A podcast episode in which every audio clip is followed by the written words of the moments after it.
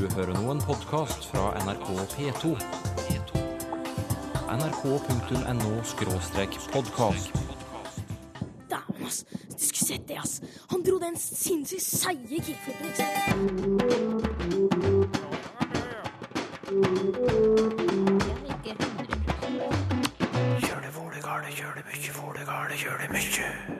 Tradisjonen med å kalle opp barn etter slektninger var opprinnelig en livsforsikring. understreket hvilken ett man hørte hjemme i, så man kunne få hjelp fra dem hvis man kom ut i en eller annen krise. Hvorfor begynner idrettsutøvere ofte svarene sine med ordet nei? Når de blir spurt om sine prestasjoner, så ønsker de ikke framstå altfor selvgode. Og er det middagslis, ja da handler det om været. Lettere oppklåning i styggvær i, i middagstid.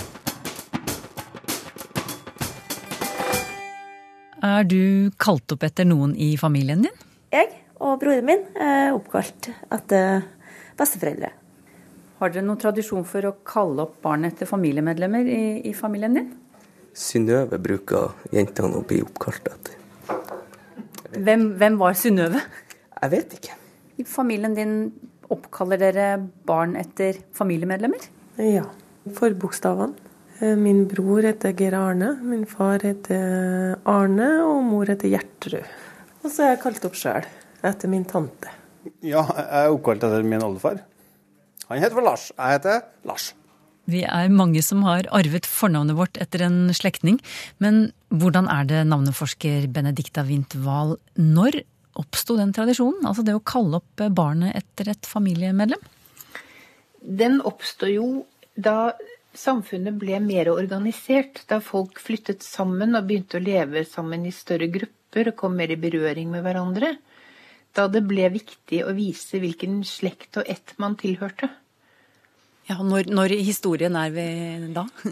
Vi er tidlig i vikingtiden. Vi er i overgangen fra stenaldersamfunnet med de små bronsealder- bronsealdersamfunnene med de små samfunnene, og, og til et samfunn som er i vekst, hvor, hvor det utvikler seg små tettsteder og ja, hvor folk lever mer i samkvem med hverandre utover de nærmeste.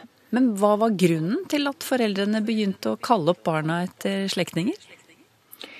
Ja, I første omgang så var det nærmest slik at foreldrene med hver sin ett eh, skulle vise at disse barna er våre. Og da kunne de f.eks. far, hvis han het Thor, så ville barneflokken da få navn som begynte på Thor, og så ville man hente inn et etterledd, et, et navneledd til, som man hektet på Thor, for å vise at alle disse er søsken, og de er barn av Thor. Jaha, Kan du gi eksempler på noen slike navn? Det kan jeg. Jeg har en hel barneflokk her ø, som heter Torfinn og Tormod og Torstein og Torgeir og Torhild, Torgunn, Torbjørg, Torgjerd og så en liten attpåklatt som vi kan kalle Torvald. Men dette nye leddet som de da la til for å skille barna fra hverandre, altså det nye navneleddet, hvor hentet de det fra? Det fantes i utgangspunktet en masse enleddede navn som man kunne kombinere ganske fritt. Eh, Mange av disse ledd, navneleddene de kunne brukes alene, og så kunne de være både forledd og etterledd. Du kunne f.eks. hete både Hildegunn og Gunhild. Du kunne hete Alvgeir, og du kunne hete Geiralv.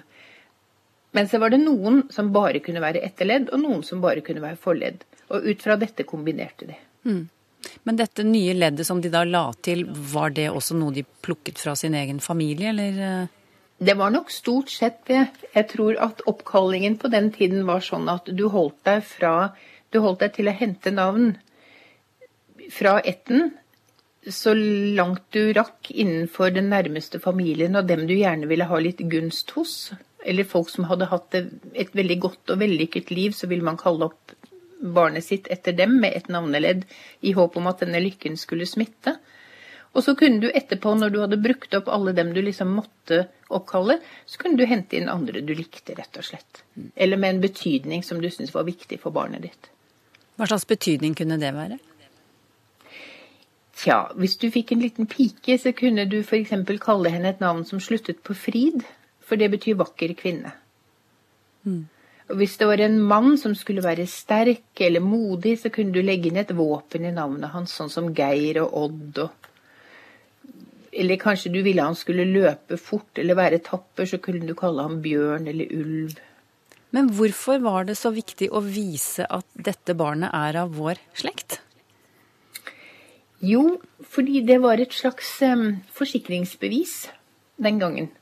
Før man fikk uh, forsikringsselskaper og andre mulige hjelpeorganisasjoner og, og, og, steder å søke tilflukt, så hadde man bare ætten og familien å støtte seg til.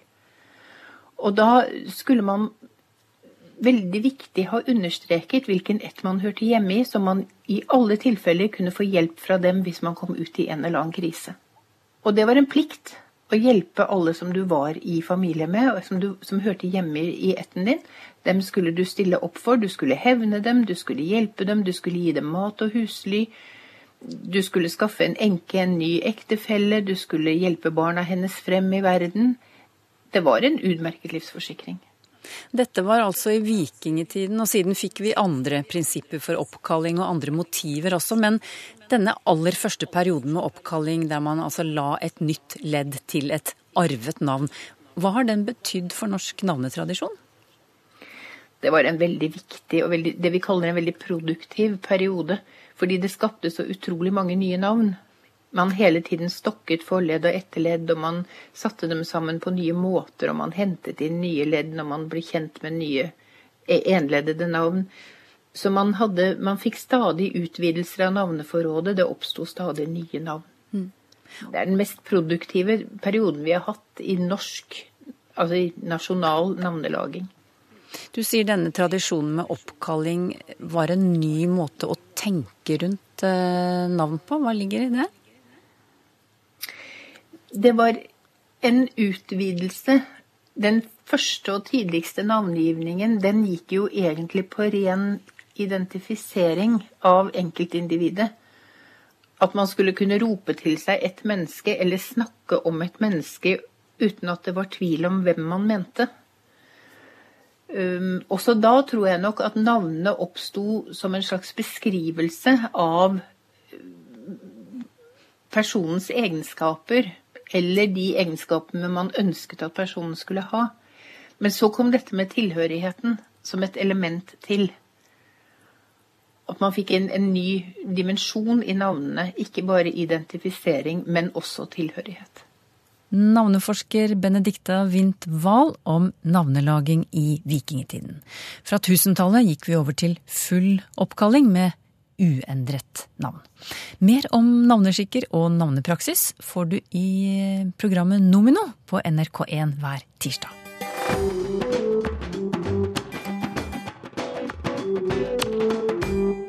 Når noen stiller oss et spørsmål, så hender det vi begynner svaret med ordet nei.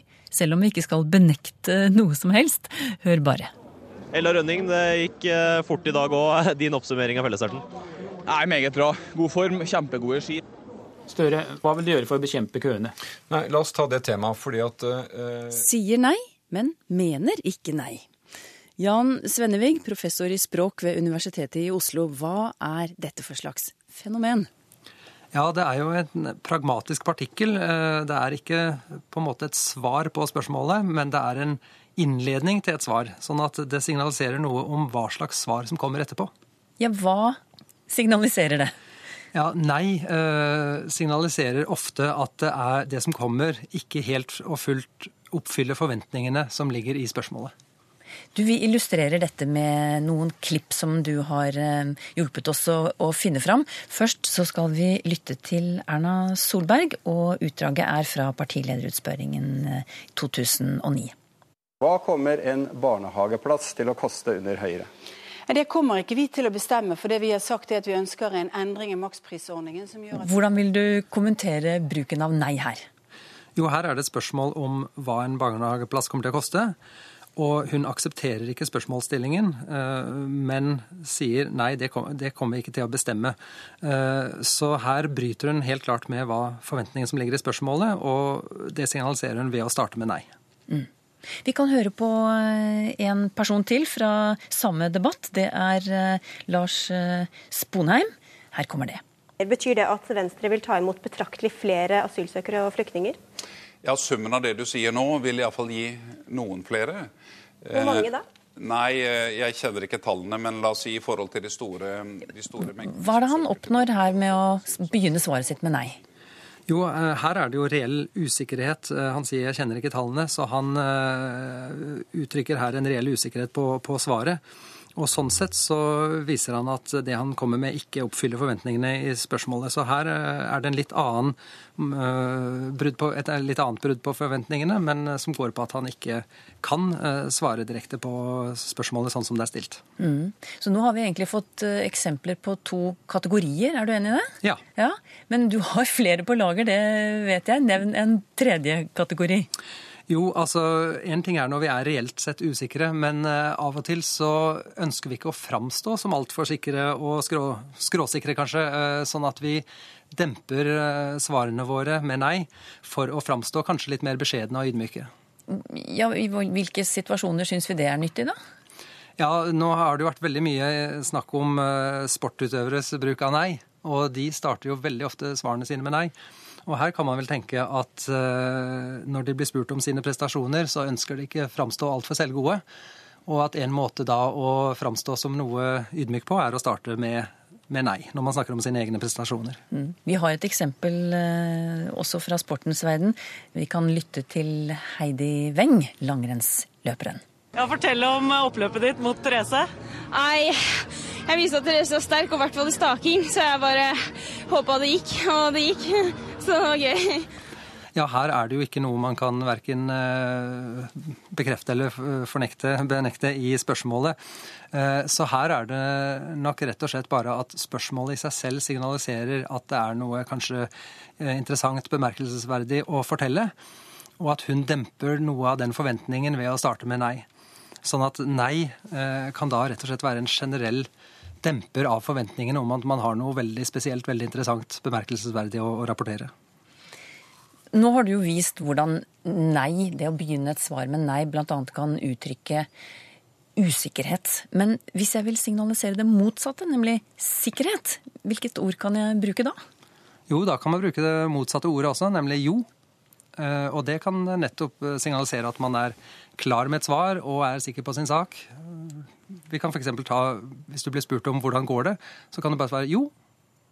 Og så kan det gjerne komme noe mer, men allerede når du har sagt jo, så sier du allerede der at eh, svaret som kommer, er, eh, vil bli positivt. Du, er vi bevisst på denne effekten det har å begynne en setning med jo, som du nevnte nå, eller nei for den sakens skyld? Nei, det er vi nok absolutt ikke. Dette her er ord som ligger i underbevisstheten, kan vi si. Altså bruksmåter som eh, vi forholder oss til, og som vi oppfatter. Og sånn sett så er de meningsfulle, men eh, vi har neppe noe bevisst forhold til det. Og vi har f.eks. neppe noe mulighet for å forklare en utlending eh, åssen vi bruker det selv. Nei, det kan jeg se for meg vil være en utfordring. Men som om ikke dette var nok, da, med nei og jo, så hender det jo også vi begynner svaret vårt med ordet ja, uten at meningen er å bekrefte noe. Når gjør vi det? Jo, eh, det er ofte hvis vi trenger å tenke litt på svaret. Eh, Ja brukes ofte som en slags sånn kvittering på eh, hva noen har sagt. Og ja kan si da fra om at ja, jeg har hørt og forstått spørsmålet, jeg aksepterer det, og jeg har tenkt å gi et svar, men jeg har det ikke helt klart ennå.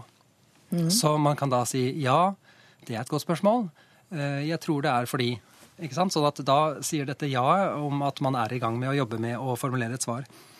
Så ofte så finner vi ja som innledninger til enten til svar som man må jobbe litt med og tenke seg litt om, uh, resonnere litt fram og tilbake før man kommer til et svar, eller til svar som er komplekse, eh, som har flere ledd, som eh, har mange elementer. Og da sier man fra der at eh, ja, jeg eh, skal besvare dette her, men det er ikke bare å eh, slenge det ut av seg ved første anledning. Har du et eksempel som kan eh, anskueliggjøre det du akkurat har sagt nå? Jo, eh, fra en, eh, da et radiointervju så har jeg et eksempel hvor en eh, ekspert da blir spurt hva er grunnen til at denne situasjonen er så spent. Og så svarer vedkommende ja, den er komplisert og mangfoldig selvfølgelig, men i enkle trekk er bakgrunnen at Og så kommer svaret. Så her kommer ja, og så kommer det en innledning som sier at svaret er vanskelig og komplekst, og så først kommer svaret selv. Du, Noen vil påstå at det bare er unoter å begynne et svar med ja eller nei eller jo på den måten du har eh, fortalt om nå. Altså, De blir fyllord, mener mange. Hva mener du? Nei, jeg mener jo at disse har eh, veldig nyttige funksjoner som eh, vi bruker til å signalisere noe om nettopp vår sikkerhet, usikkerhet, sånne ting som er veldig nyttig å kunne si fra om. Men med veldig mange sånne ord så er det noe med at når de blir brukt veldig mye, så blir de det man kan kalle kanskje ut, litt utvanna, altså at de mister noe av sin betydning. Og kanskje særlig eh, blant nettopp sportsutøvere så, så finner man veldig mye nei i begynnelsen av svar. Og, og der kan man jo ha en følelse av at det ikke lenger betyr veldig mye. Utover denne svake indikasjonen av at man ikke vil framstå som skrittete. Det kan bli for mye av det gode. Det mente språkprofessor Jan Svennevig ved Universitetet i Oslo. Svennevig har samtalen som et av sine spesialfelt. Og dette innslaget var et gjenhør fra januar 2013.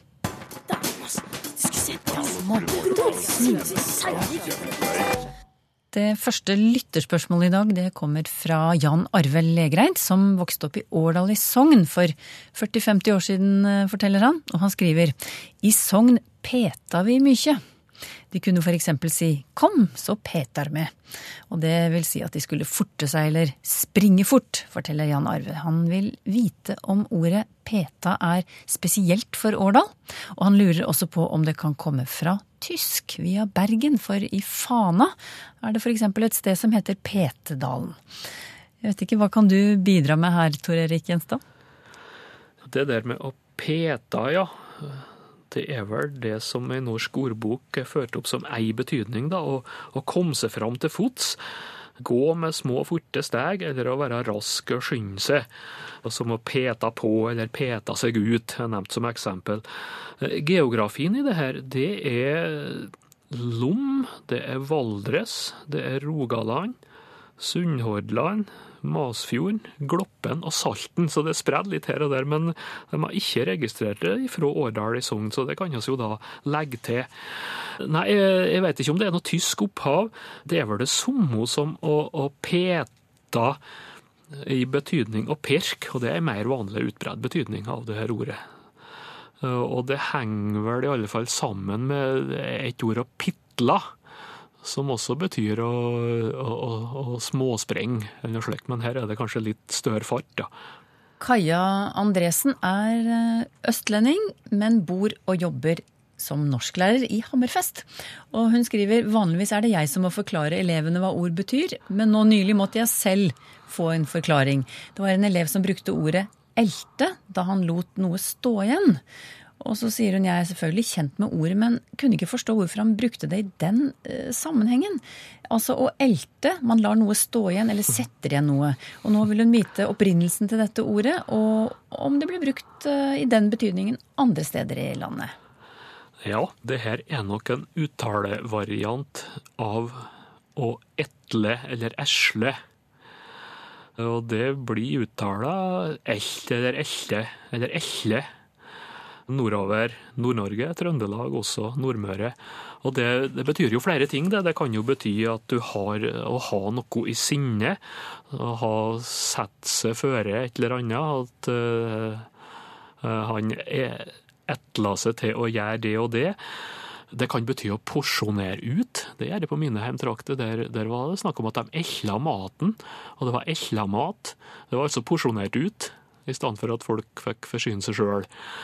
Men også da å, å la bli igjen, og, og, og leive att, og sette av eller spare noe. Og det, den betydninga der, det er Norafjells. På Facebook skriver Tormod Arfelt Min mormor fortalte nettopp om sin egen mormor, som brukte begrepet middagslis om at uvær og dårlig vær ble mye bedre og roet seg stilnet eh, midt på dagen. Vet dere noe om dette uttrykket, spør han.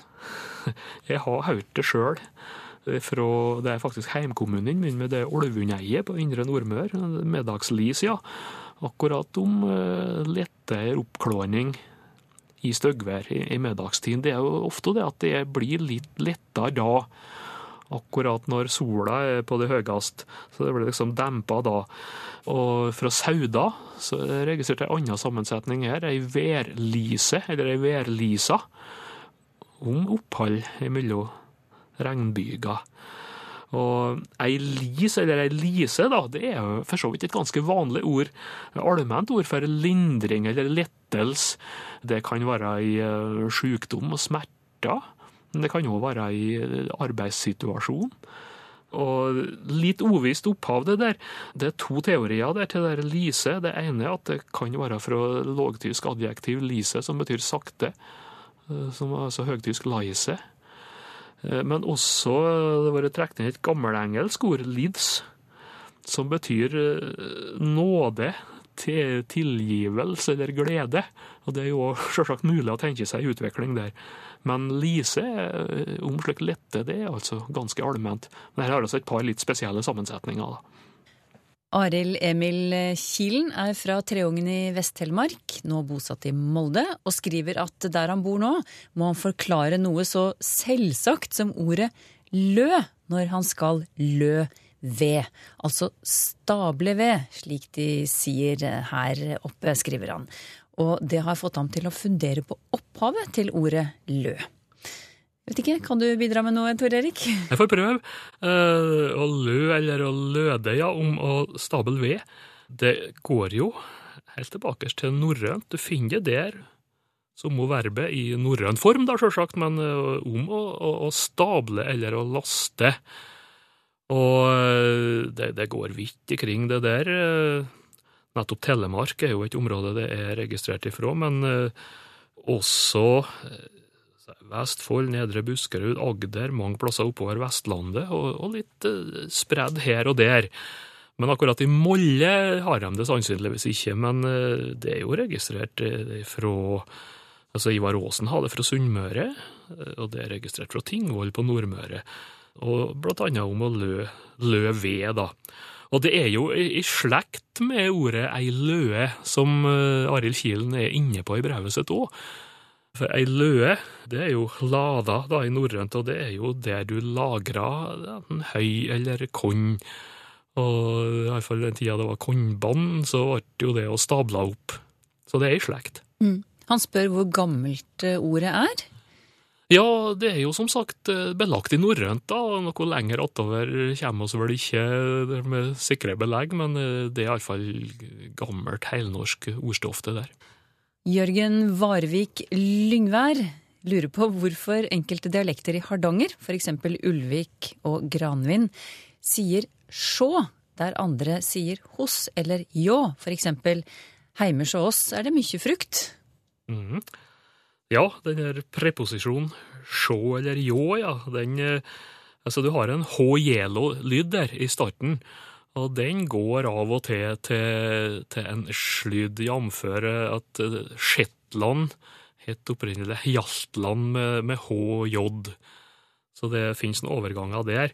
Men det er nok ikke bare Hardanger som har den preposisjonen. Så I tradisjonell dialekt så går den vidt ikring.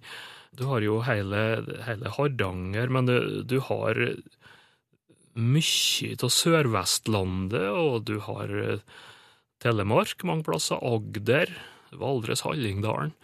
Og du har Gudbrandsdalen og Nord-Østerdalen. Og det går òg inn i indre strøk i Trøndelag, for eksempel Loppdal og Rennebu har sjå i denne bruken her, sjå oss. Og den er jo òg belagt i, i norrønt, da. Det ser ut til at det kan ha vært ei rot her med grunnbetydning husstand eller familie, for du har et ord jon, h-j-o-n, som betyr en som hører til en husstand, også bruker om ektefolk. Så det ser ut for å være sammenhengen her. Men når du da har, har fått inn hos, så er nok det nyere kanskje kommet inn fra svensk og dansk. Og det regna de med er i slekt med hus. Men at det har fått litt uh, særutvikling på vokalen fordi at det har vært mye trøkklet og det har jo parallell i det franske che, som er i slekt med latin casa, som betyr hus. Så det er når en er i huset hos en. Liv Birkeland skriver at hun finner ikke ordet vensel i ordbøker, og heller ikke på det store internettet. Ordet brukes i Audnedal, midt i Vest-Agder. Og det er også skriver hun noen som mener at dette bare er et lokalt ord, at det ikke er skikkelig norsk engang. Det vil jeg protestere på! Ordet beskriver en egenskap som noen gjenstander har, f.eks. sko, dører og bildekk. og jeg må jo overlate noe av dette, disse forklaringene til deg, Tor Erik Gjenstad, så du får fortsette. ja, nei, det, det er jo det, Når det er vensel, slik jeg forstår på Liv Birkeland her, så er det, det når det er to Altså et par av ting som, som ikke er helt like. Altså et par sko er jo ikke lik. Du har venstre og høyre sko. Og, og det kan være mutre dørblad, bildekk, nevner hun her, ja. Venstre og høyre dekk? For, Sok dekk? Ja, sokker har jeg ikke som regel, for der er det likegyldig om du har, har en sokk på venstre eller høyre foten. Mm. Nei, jeg har prøvd å se etter der, og akkurat den betydninga der, den finner jeg ikke i for eksempel i Norsk ordbok, da, og arkivet der. Men det er nok altså Selve ordet vensel og vensle finnes det jo i mange andre betydninger, og det er nok avleda av verbet å vende. Så når det er vendsel på den måten her, så er det jo det at det, det vender slik og slik her, at det skal vendes slik og slik. Jeg har funnet ei betydning av vendsel fra Valle i Setesdal. Der betyr det rett og slett, det er litt mer abstrakt, det betyr en måte å gjøre noe på. Mm. Uh, altså en framgangsmåte. Men uh, akkurat denne betydninga her, den kan ikke se registrert, så det er jo utrolig interessant, da. Og, og det er jo et nyttig begrep. Mm. Det, her, det, er jo et ord, Denne betydningen må jo havne i en eller annen ordbok nå, da? Det bør det, og, og det er vel enda ikke helt kjørt løpet for å få med i bind tolv av Norsk ordbok, så jeg får prøve å gjøre en liten innsats der og se om de kan greie å, å ta det med. Men uh, på revisjoner og framtidig så vil det nok komme, ja. Har du spørsmål til Språkteigen, skriv til teigen krøllalfa nrk.no. Eller du kan skrive til Språkteigen, NRK P2, 7005 Trondheim. Du finner oss òg på Twitter og på Facebook. This is a demanding job. Pinlig dårlig engelsk. Helt utrolig. Ikke alle tåler måten Stoltenberg snakker engelsk på. Det vrir og vrenger seg i oss når vi hører det her. Hvorfor? Språkteigen om en uke.